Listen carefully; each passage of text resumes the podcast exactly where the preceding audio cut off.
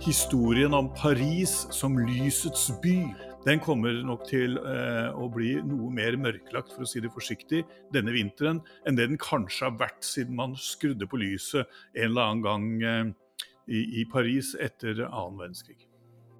Flomlysene skrus av, termostaten senkes til 19 grader, og på offentlige toalett er det bare kaldt vann i kranene.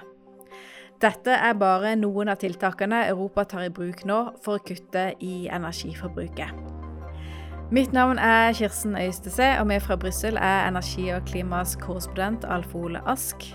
Men før vi hører mer fra Alf Ole om hvordan energisparetiltak merkes av vanlige folk, så skal vi snakke om hvordan energiprisene og energiknappheten rammer industrien. Velkommen til Energi og klima, Knut Bøyman. Du er fagsjef i Norsk Industri med ansvar for EU- og EØS-spørsmål, det indre markedet og internasjonal handelspolitikk. Jo, takk. Du, Høye energipriser det rammer jo ikke bare vanlige folk, de rammer også industrien svært hardt. Hvor alvorlig er situasjonen nå for europeisk industri? Jeg vil si at eh, det ser ikke bra ut. Det gjør rett og slett ikke det. Og hvis vi starter med utgangspunktet for det hele, så er jo det primært Ukraina og, eh, og, krigen der borte. Og nå har man jo i lengre tid spurt seg om Putin vil eskalere denne krisen, og det svaret fikk vi i dag morges. Og så bruker han jo da gass som våpen. Reduksjonene eh, av leveranser til Europa ble jo startet allerede i fjor høst, men nå er det da tilnærmet full stopp Eh, og eh, eh, Putin er helt klar på at dette er, dette er en militær handling. For oss så er det jo veldig vesentlig at gassen er jo den som setter prisen på energi nå. Og det spiller også over da på kraftprisen, både hjemme og ute. Eh, og der ligger jo kjernen eh, til, til, de problemene som oppleves. Du nevnte det, det er jo mange faktorer her, men, men det har eskalert med, med, krigen. Men hvis vi går tilbake igjen, altså Putin har jo brukt gass som et våpen, og det starta før selve invasjonen. Når begynte industrien å merke det? Det begynte man å merke ganske raskt. Uh, man hadde jo nettopp kommet seg eller man var for så vidt inne i uh, en post-covid-fase som uh, gjorde livet vondt og vanskelig.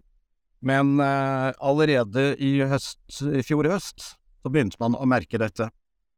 For da eh, gikk leveransene fra Russland eh, betydelig ned, og med den effekten at prisene steg.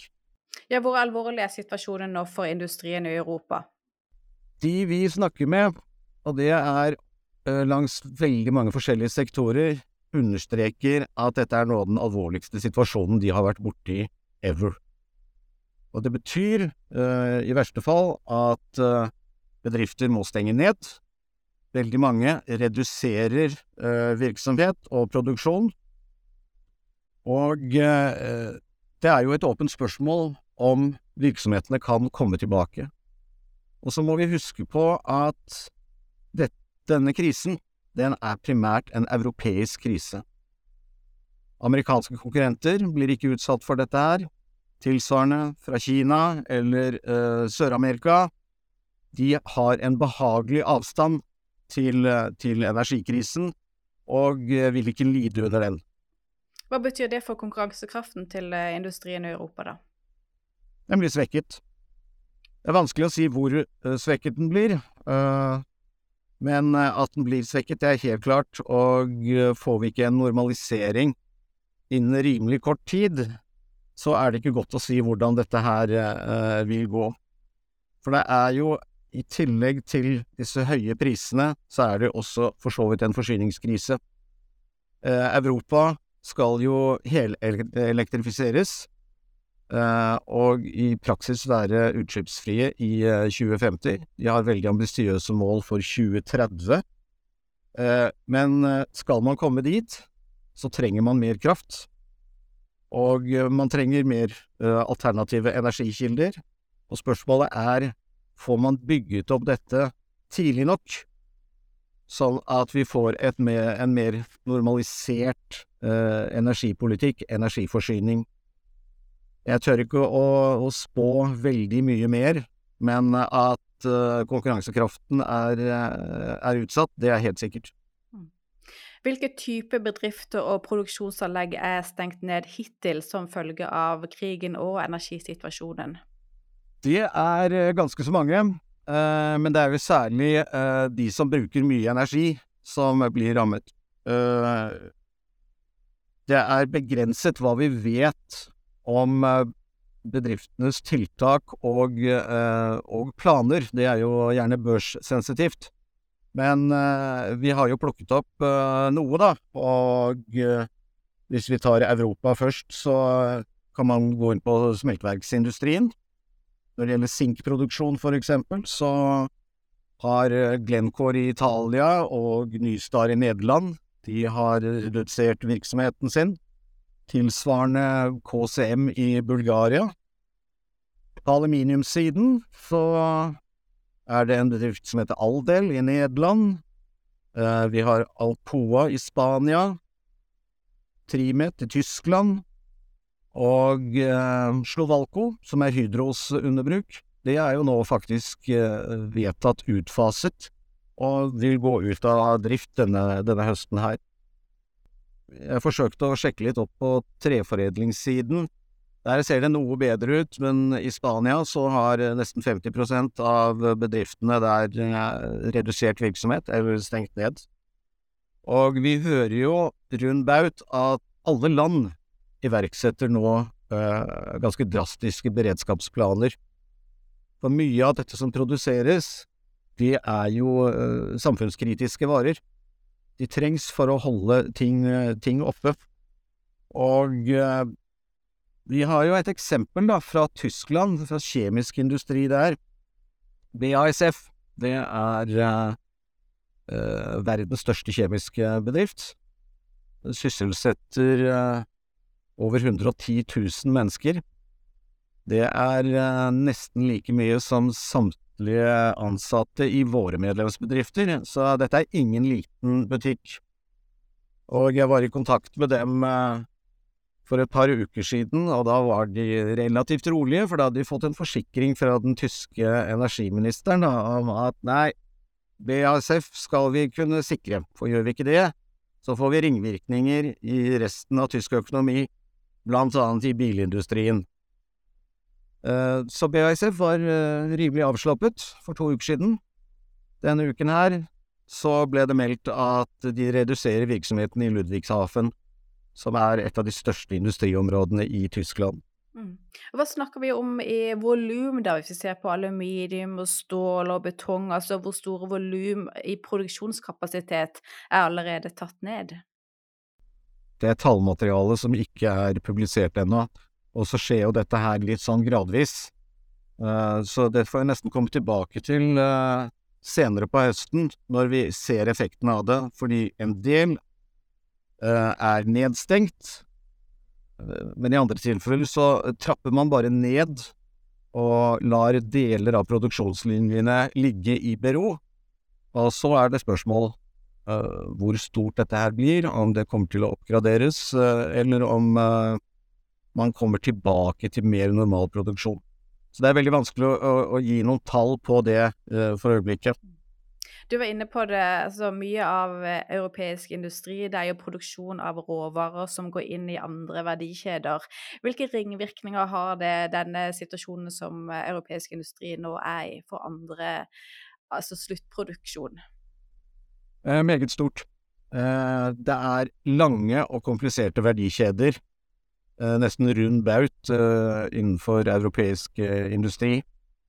jeg var inne på BASF. Som kjemisk kjempekonsern så leverer de til øvrig europeisk industri over 90% av denne, hva denne industrien trenger. Så skulle nøkkelbedrifter som BASF få, uh, få problemer, så har det ringvirkninger over en lav sko. Og tilsvarende, hvis norsk lettmetallproduksjon får problemer, så går jo det rett inn på for eksempel bilproduksjonen i Europa. du kan i dagens uh, situasjon, så lager du ikke bil uten aluminium. Og uh, vi har eksempler på at uh, norsk produksjon har skalert noe ned. Blant annet Al Alcoa på Lista har redusert virksomheten ved en av produksjonslinjene sine. Og for hele den europeiske industrien i stort, hvordan ser prognosene ut for høsten og vinteren? Ikke særlig eh, lystelig. Denne høsten og vinteren 2023, eh, den kommer til å bli vond.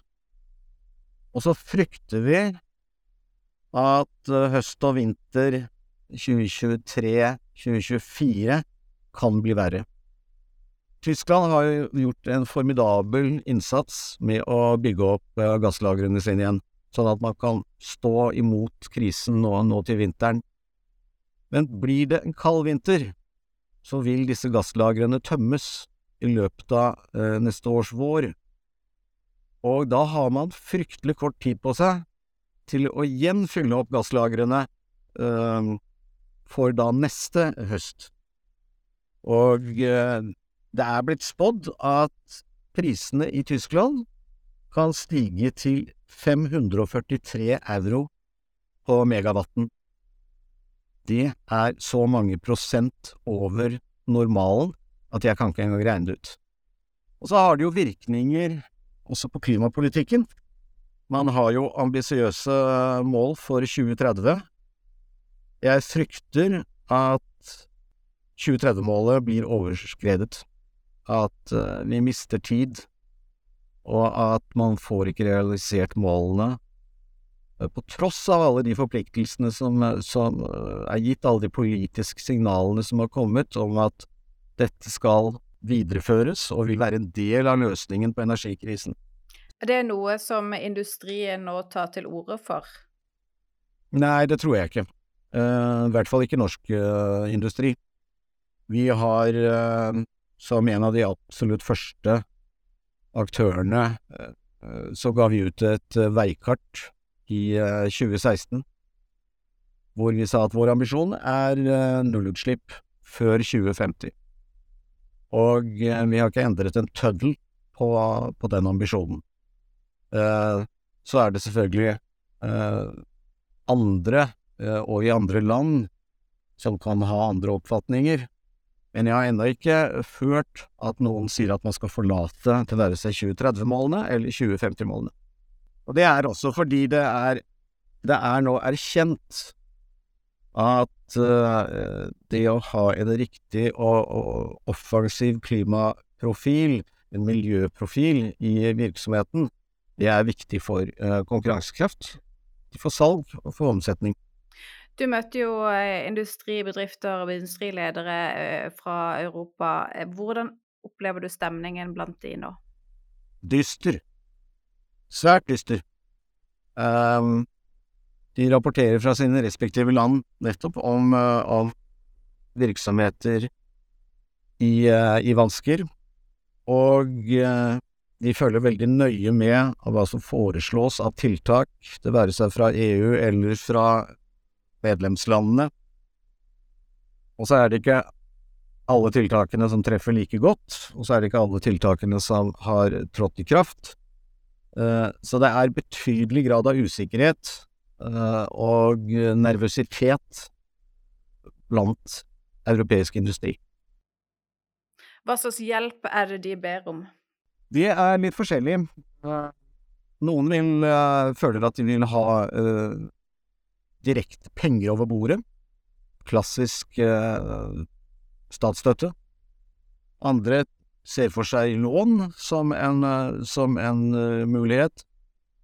Alle snakker om behovet for å utvikle mer energi. Og så er det en del da som er uh, rasende på Tysklands kjernekraftpolitikk, slik den har sett ut uh, over de siste par årene.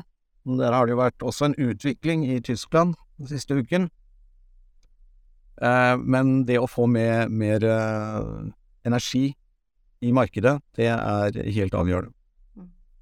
Hvor ille kan dette bli? Jeg skulle ønske jeg slapp å svare ille, men jeg tror det kan bli ille. Men det er eh, Det er en veldig stor utfordring at usikkerheten er nå så stor at uh, vi som organisasjon har vanskelig for å spå, og uh, bedriftene har akkurat samme problem, men de skal jo også planlegge for fremtiden. De skal planlegge investeringer og videre drift. Uh, og jeg tør rett og slett ikke si hvordan dette kommer til å utvikle seg, men jeg tror det tar lengre tid enn Ja, det er ingen grunn til å tro at dette her går over i løpet av høsten. Og selv, selv, selv om et mirakel skulle skje og krigen slutter, så vil du ha senskader for økonomien, for energipolitikken. Europa kommer aldri til å eh, kontakte Moskva igjen og si at vi vil gjenoppta gassforsyningene. Ikke så lenge Putin sitter der. Det er, det er min oppfatning. Ergo så har man et sett med utfordringer som vil stå i mange år fremover. Hva er den mulige konsekvensen på noe lengre sikt for den europeiske industriens konkurransekraft i et globalt bilde, altså ikke bare nå og, og det neste året, men på, på eh, en horisont som har eh, to-tre år frem i tid? I verste fall så um, kan konkurransekraften bli undergravet så mye at at industrien smuldrer opp. Det, det kan det være. Vi vil få en form for karbonlekkasje, ikke nødvendigvis forårsaket av klimapolitikk, eller feil klimapolitikk, men på grunn av eh, den økonomiske situasjonen og mangel på konkurransekraft. En del produksjon vil garantert bli overtatt av andre land. Eh, noe vil flyttes ut, og eh, etterspørselen etter for eksempel metaller, den er forventes å øke globalt, eh, men hvis ikke europeisk industri er i stand til å levere på konkurransedyktige betingelser, så er det helt klart at da, da er det andre som vil overta, og da forvitrer industribasen i, eh, i Europa.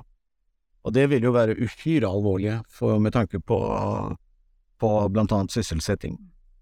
Er det noen industrigrener som er spesielt utsatt for å kunne få den skjebnen? Jeg vil tro eh, på generelt grunnlag så er det de, de som er mest energiintensive. Det, de er jo de som rammes mest direkte av uh, energikrisen. Uh, men igjen så kan det være variasjoner der. Uh, hvordan ser energibildet ut i de forskjellige landene? Det er ganske så forskjellig. Og hvordan man organiserer energimarkedene, det er jo også noe som Eh, eller eh, organisere energiforsyningen i de enkelte land, det er noe som eh, tilligger nasjonale myndigheter. Så her kan det komme mange forskjellige forslag og, og forsøk på løsninger. En konsekvens av denne situasjonen som vi nå er i, er at klimaomstillingen går saktere på kort sikt, men det er en forventning om at det skal gå raskere på, på lengre sikt. Altså man, at man skal ta igjen det som vi nå ser at av uheldige konsekvenser med at man fyrer opp mer kull, blant annet. Er det lignende ting man kan si i industrien, at ok, nå er det tøft, men man kan komme styrka ut av det på, på sikt? Ja, altså planene ble lagt allerede før denne krisen manifesterte seg.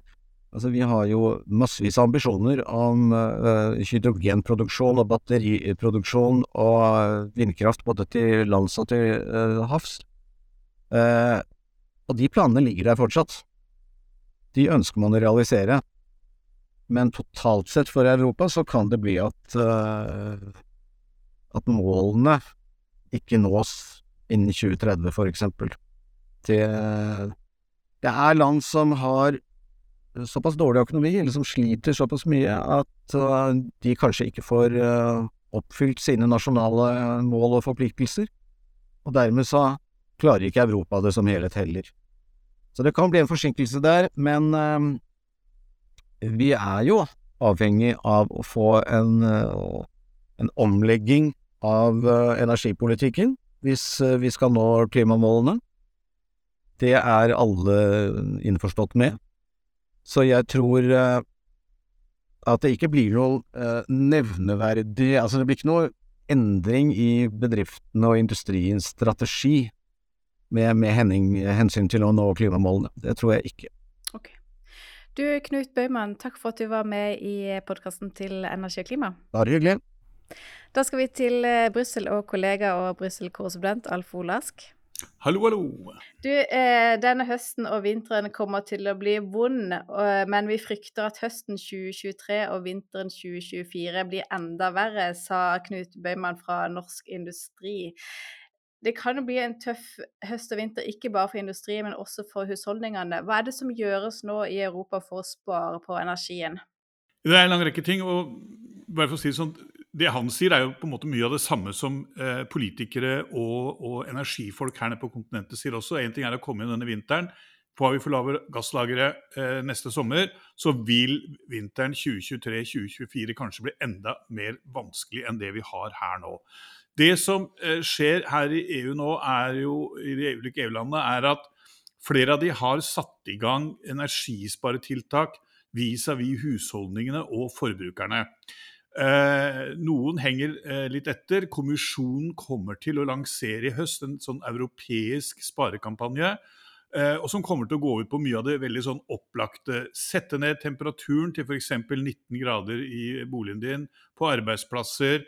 Eh, det som allerede er eh, på en måte common sense i land som Tyskland, er at man slutter å bruke badekar og heller dusjer, og eh, ikke står så lenge i dusjen heller. Og den type veldig enkle ting. Det, det, det, er allerede på en måte i den litt sånn felles basen, og der kommer det til å komme flere eh, rekommandasjoner eller råd da, fra, fra EU-kommisjonen. EU kan liksom ikke gå inn og vedta hva folk skal gjøre. Det EU kommer til å gjøre, og som det kommer til å bli flertall for på det eller antageligvis helt enstemmig på det energiministermøtet 30.9., det er å uh, på en frivillig basis at EU-landene skal kutte strømforbruket med 10% og at de skal gå inn og kutte i de forbrukstoppene, peak-periodene som, som, det heter, morgen og kveld f.eks., når du skrur på kaffetrakteren din og, og, og, lager middag. Der skal de kutte med 5% fordi det vil også hjelpe på forbruk av gass. Mm. Så 10 pluss, pluss 5 prosent, vil dette være noe som monner? Ja, eh, altså hvis du ser på dette omregnet i gass, som jo er, er, er, litt av det man gjør i EU nå, pga. at man skal kutte avhengigheten av russisk gass, så vil dette eh, bety noen eh, milliarder eh, kubikkmeter gass mellom nå og ut mars, som da skal være av disse eh, tiltakene skal eh, omfatte. Mm. Hvilke land er det som kjører den mest aggressive sparepolitikken? Tyskland f.eks. er nok et av de landene som, som er langt framme. Eh, der eh, har de nå lansert eh, flere eh, tiltak. Eh, eh, så har de gått inn for å gjøre en del med forretningsbygg, altså hva heter det, supermarkeder og den type ting. Hvor man, hvor man vil angripe energiforbruket. Der er det også sånn at man for I enkelte sånne store supermarkeder i Tyskland så har man nærmest dørene stått åpne. Det er nå eh, får man ikke lov til lenger, eh, verken om sommer eller vinter. Sommeren fordi man kjører aircondition, og, og dermed så, så, eh, så eh, eh, bruker man jo også mye, mye strøm. Eh, en av de ting som allerede er gjennomført, er begrensninger på lysreklame. Uh, der er et unntak hvis disse, denne rysreklamen kan sies å ha et sånn trafikksikkerhetsaspekt. Uh, men det, uh, og store vinduer i for, sånn, på forretninger og sånn kan fortsatt være lys på. Men på monumenter, kirker og statuer og den type ting som, som opplyses av eh, flomlys. Der vil man ikke gjøre det på uh, natterstider lenger, f.eks. i, i, i Tyskland. Eh, I noen steder i, i, rundt omkring i EU så har man gått til sånne drastiske verk som at man f.eks. ikke lenger har varmt vann når man skal vaske hendene på offentlige toaletter. Uh, dette gjelder liksom både offentlige toaletter si kommunal, men også uh, toaletter som er åpne for publikum i f.eks. supermarkeder, museer og, og den uh, type ting. her i Belgia så har man nå gitt beskjed om at i offentlige bygninger så vil ikke håler og, og, og sånne store, lange korridorer bli varmet opp lenger. I Frankrike så har man, eh, man forbereder vinterturistene på at eh, heisene i eh, alpinanleggene kommer til å gå saktere i år. Og man kan også forvente seg at heiskortet blir vesentlig dyrere. Og det kommer nok også til å være et veldig stort spørsmål om man kommer til å kunne kjøre snøkanoner, som jo suger enormt med kraft, i like omgang som man gjør før. Kommer man på besøk rundt omkring i, i EU, f.eks. i Frankrike, er en del firmaer jeg så Louis Vuitton og en del av disse, disse eh, gigantene eh, innenfor eh, liksom, mote og, og, og, den type ting, de har nå sagt at de kommer til å stenge heisene sine, slik at eh, folk må, må gå eh, trapper. Så det er mange ulike tiltak som kommer til å møte folk i, eh, i hverdagen. Og hvis eh, det er behov for ytterligere energisparetiltak, ligger det noe på, på planen som kommer til å bli henta fram? Ja, altså I denne pakken til EU så er det jo en åpning for at næring, altså bedrifter som bruker mye strøm, eh, av den typen du eh, snakket med eh, litt tidligere her, kan selge eh, sin strøm og, og, få betalt for ikke å bruke den, eller få betalt for å bruke andre energikilder enn gass og uh, strøm. Uh, dette er fordi at man da vil ta strømmen fra, fra uh, industrien og sørge for at man ikke får en blackout, som det heter. Altså at man må stenge strøm til husholdningene. I Frankrike har det vært noen signaler om at man kanskje kan, hvis det blir en veldig kald vinter, kan komme til å komme opp i eh, sånn to timer strømløst eh, i døgnet i, i, i, noen perioder, rett og slett fordi man har for lite strøm. Nå har jeg sett at eh, franske statsråder de siste dagene har sagt at det, det, vil de klare å unngå. Men dette viser jo noe av alvoret i situasjonen, at det faktisk er framme dette om at man da rett og slett må stenge strøm f.eks. til husholdninger på nattestid, eh, eh, rett og slett fordi, fordi man da må spare. Ja, hvor stor er faren for at det kan bli eh, behov for strømrasjonering av noen form? Ja, altså Hvis man f.eks. nå stenger ned en del industri, så man jo, har man jo per definisjon en strømrasjonering. Eh, men en strømrasjonering som rammer eh, husholdninger og sånn, det sitter ekstremt langt inne å, foreta seg, fordi det vil få så store sosiale konsekvenser.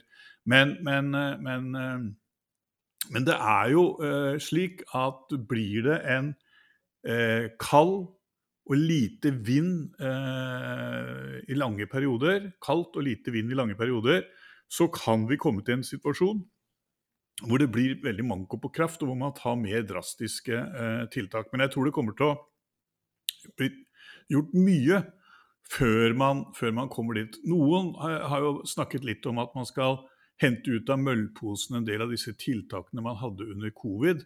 Eh, liksom, eh, kanskje hjemmekontor osv. Den type ting. Eh, det får vi jo eh, se om det kommer til å bli så eh, drastisk. Men eh, lyset av at man kommer til å se hele kontorbygg som mer eller mindre er opplyst døgnet rundt, nei, det kommer man ikke til å se. Du ser Louvre, Versailles, Eiffeltårnet eh, kutter jo da strømmen i, i perioder av, av, døgnet, eller lyssettingen i perioder av døgnet, nettopp for å spare strøm. Så dette historien om Paris som lysets by, som eh, jo den har historisk eh, vært, den kommer nok til eh, å bli noe mer mørklagt, for å si det forsiktig, denne vinteren enn det den kanskje har vært siden man skrudde på lyset en eller annen gang eh, i, i Paris etter annen verdenskrig. I årstalen så presenterte EU-kommisjonens president Ursula von der Leyen et forslag om å innføre en solidaritetsavgift på superprofitten til energiselskap. Og pengene skal kanaliseres tilbake til husholdninger og næringsliv. Dette forslaget det er venta å bli behandla av medlemslandene allerede neste uke. Og hvis det blir vedtatt, vil det være nok for å kompensere husholdninger og næringsliv næringsliv for de høye energiprisene, eller trengs det enda flere tiltak der? Nei, Dette vil jo komme på toppen av de tiltakene som allerede nå er der, og som uh, ruller, og som hittil har kostet noe sånt som 230 milliarder euro, altså 2300 milliarder kroner. Uh, og så er det da 140 et eller annet. De har beregna at dersom prisene er på dette nivået, at de vil få inn på en sånn eh, å ta denne superprofitten både fra oljeselskaper, gasselskaper, raffinerier, men også fra de selskapene som produserer fornybar og atomenergi. Eh, så nok er det ikke. Men det som dette tiltaket også da forhåpentligvis kan bidra til, er at prisene senkes.